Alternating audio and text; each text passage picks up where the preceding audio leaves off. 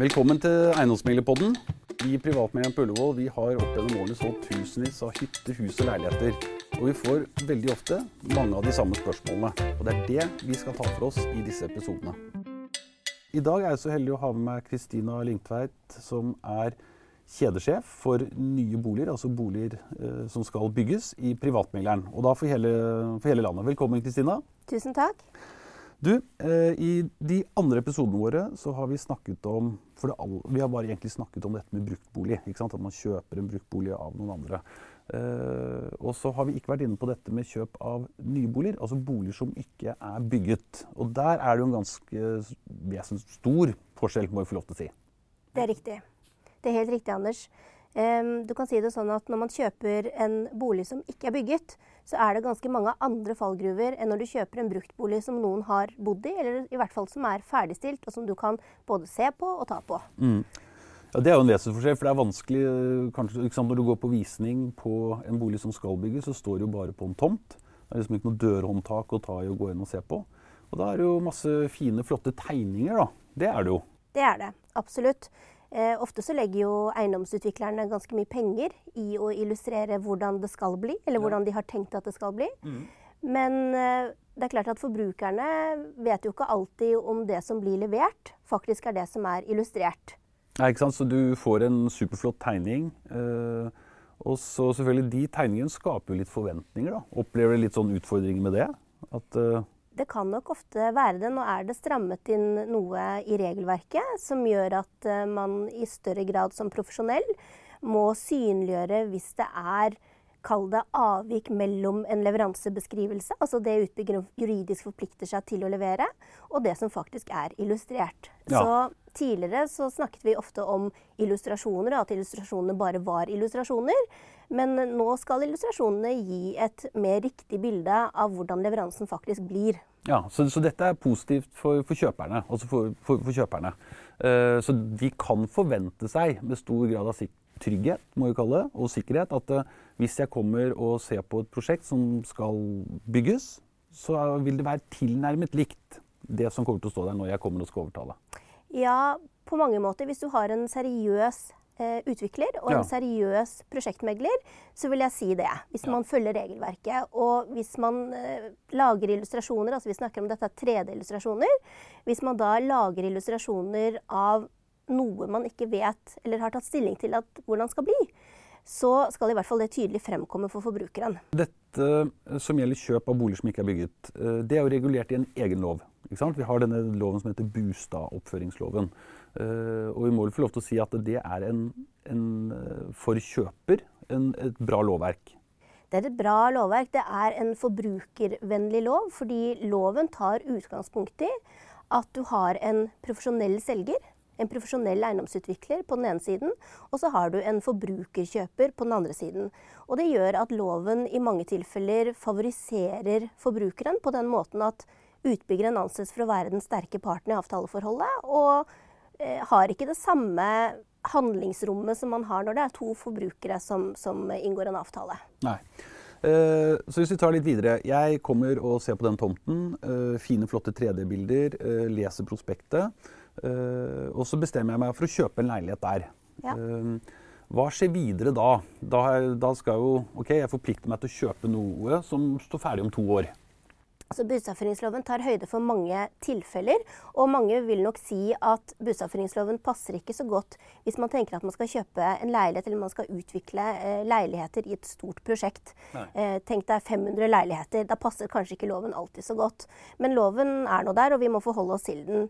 Så hvis du som forbruker kommer og skal, ønsker å kjøpe en, en bolig som skal bygges, så eh, må du først finne ut av om prisen er fast. Mm. Er den fastsatt, eh, eller er det en prisantydning sånn som man er vant til på bruktbolig? Og Der skiller man nok ofte mellom de store prosjektene og de små eplehageprosjektene, som kan være f.eks. tre eneboliger på en større tomt. Ja, så, Men i de aller fleste tilfellene, hvis jeg forstår deg riktig, på disse store prosjektene så er det veldig ofte faste priser? Faste priser. Ja. Eh, men da er det kanskje viktig å si til de som hører på at når det er faste prister, da er det førstemann til mølla. Førstemann til mølla. Ja. Så du kan gjerne sitte og se i denne fine, flotte brosjyra til leilighet nummer 202. Den, den tenker vi litt på. Men Ja. hvis jeg går inn dagen etterpå, så kan den være borte. Ja, og så har man ofte ulik salgsstrategi eller ulike salgsvilkår i de forskjellige prosjektene også. Mm. Eh, Det er blitt mer og mer vanlig at eh, en lukket gruppe, typisk at du melder deg som interessent i et prosjekt, Ja. eh, at du som da registrert interessent får mulighet til å kjøpe før prosjektet legges ut på det åpne markedet f.eks. Og da må du jo være veldig på, for det Ja. er førstemann til mølla. Ja, så da må du bestemme deg der og da. ja, så for å si det sånn, Hvis du tror at du kan være interessert i å kjøpe et prosjekt, så må du registrere deg som interessent for å få oppdatert og løpende informasjon. Eh, Det er jo veldig mye informasjon som gis i disse prospektene. Eh, Og det har vi snakket veldig mye om her før også. Det er jo en klar oppfordring til de som vurderer det, at eh, sett deg nøye inn i salgsdokumentasjonen som er laget. Eh, I den salgsdokumentasjonen så står det jo alltid noe om hva utbyggeren skal levere. Hvordan kjøkken er det, hvordan parkett er det og sånn. Men hva hvis jeg vil endre på det? Har jeg noen mulighet til det?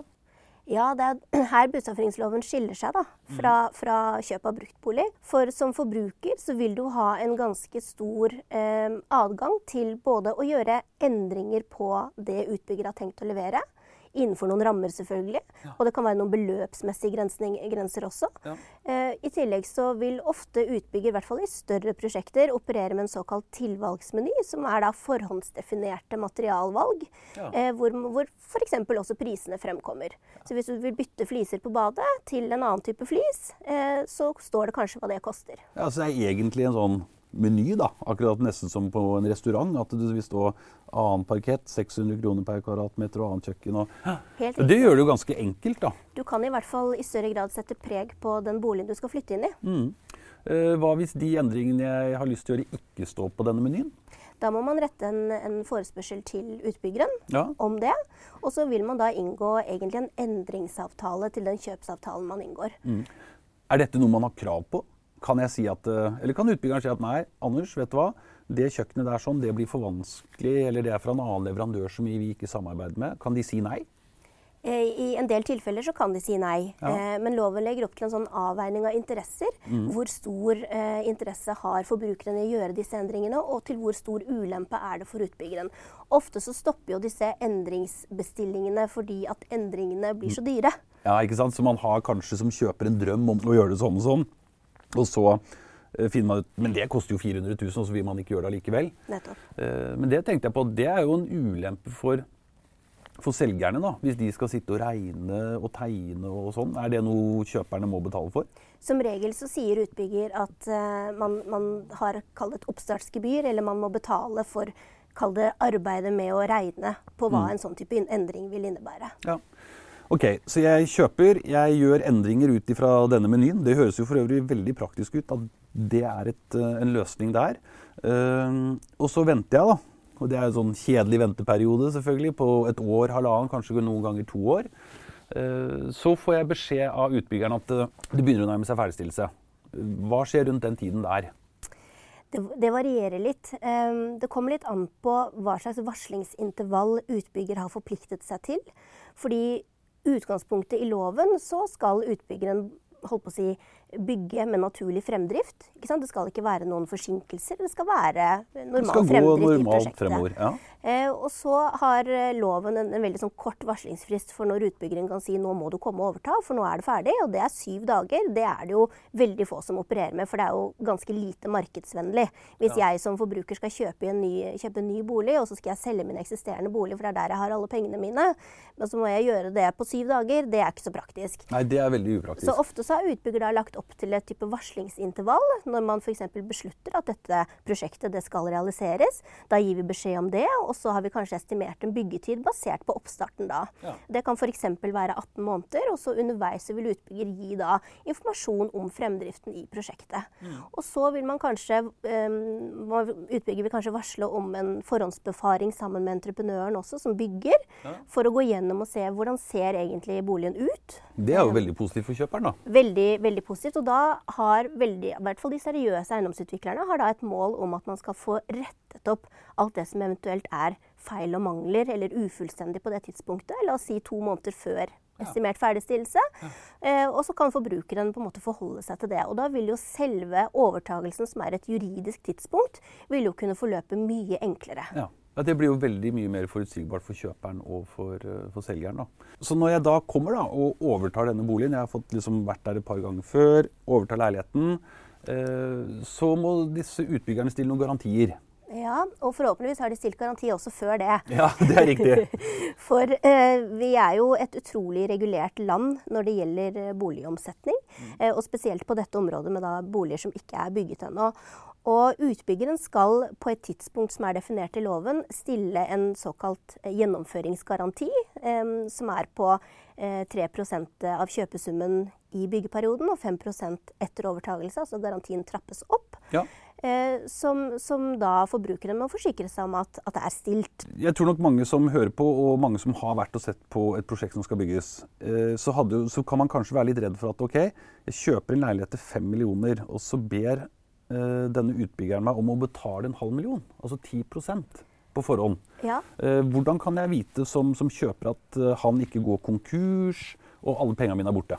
Når man kjøper bruktbolig, så er man jo ofte vant til, eh, i hvert fall i Norge de senere årene, at man betaler hele kjøpesummen i forbindelse med overtagelsen. Mens på nybolig så ligger det en del andre krav og også muligheter for utbygger til å kreve å få såkalt forskuddsbetalt for ytelsen. Eh, og her eh, i Oslo og på Østlandet så er det vanlig at det er 10 av kjøpesummen.